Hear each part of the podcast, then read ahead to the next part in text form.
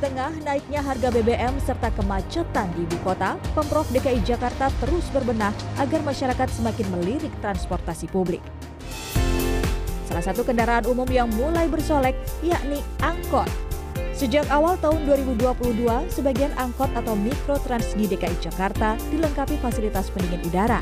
Di antara yang sudah beroperasi adalah koridor 10A rute Cikini Gondang Dia Kini, penumpang angkot tidak perlu lagi membuka jendela jika kegerahan karena sudah ada AC atau pendingin udara di bagian kursi penumpang.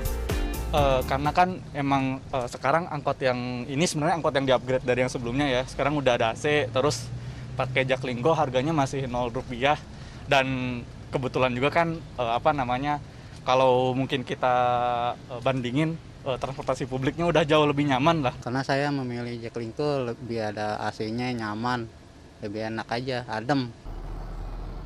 Meskipun masih di koridor yang sama, yakni 10A, tapi nampaknya belum seluruh armada Jaklingko ini difasilitasi dengan AC. Seperti armada yang saat ini saya naiki, masih menggunakan AC alami yakni angin sepoi-sepoi. Jadi kalau dari segi kenyamanan tentu lebih nyaman yang menggunakan AC ya. Tapi walaupun belum ada AC-nya, seluruh armada Jaklingko sudah terfasilitasi dengan kamera pengintai atau CCTV. Jadi kalau dari segi keamanan pasti seluruh armadanya aman.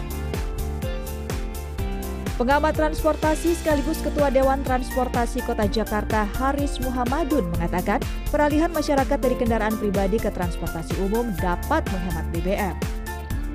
Ketika misalnya 40 orang itu uh, menggunakan mobil uh, satu-satu.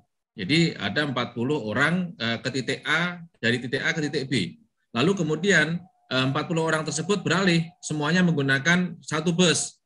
Maka pasti konsumsi 40 mobil dengan konsumsi satu bus itu pasti akan berubah. Saya pikir eh, beralih ke angkutan umum adalah solusi cerdas selain untuk menghemat BBM juga untuk menciptakan kualitas udara yang lebih baik dan juga untuk menghindari kemacetan serta bermobilitas dengan efisien dan efektif.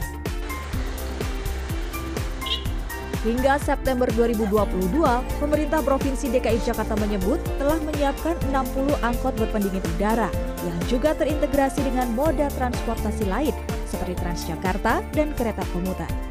Saya pun tak mau kelewatan menjajal angkot yang dingin. Kini naik transportasi massal di Jakarta menjadi jauh lebih nyaman karena unit armada Jaklingko atau Mikrotrans sudah tersedia nih fasilitas baru yakni AC. Jadi saya pun ada di dalam angkot merasa jauh lebih adem dan nyaman banget. Apalagi kalau kita inget ya, tarifnya pun murah banget, cuman 0 rupiah aja. Ini kalau sekarang saya ada di dalam Mikrotrans sendirian, pakai AC, aduh jadi ngantuk bawaannya enak kali ya kita tidur di mikrotrans pak ingetin saya pak kalau udah mau turun nanti ya pak Ke depan, pemerintah Provinsi DKI Jakarta akan terus menambahkan armada mikrotrans. Di tahun 2030 bisa mencapai 4 juta penumpang per hari. Jadi target 4 juta itu bukan hari ini, itu 2030. Sekarang Alhamdulillah dari kemarin 350 ribuan sudah menjadi 1 juta, tinggal kita teruskan trennya. Di sisi lain, untuk dapat menggunakan mikrotrans, penumpang diharuskan mempunyai kartu Jaklingko atau kartu elektronik lain.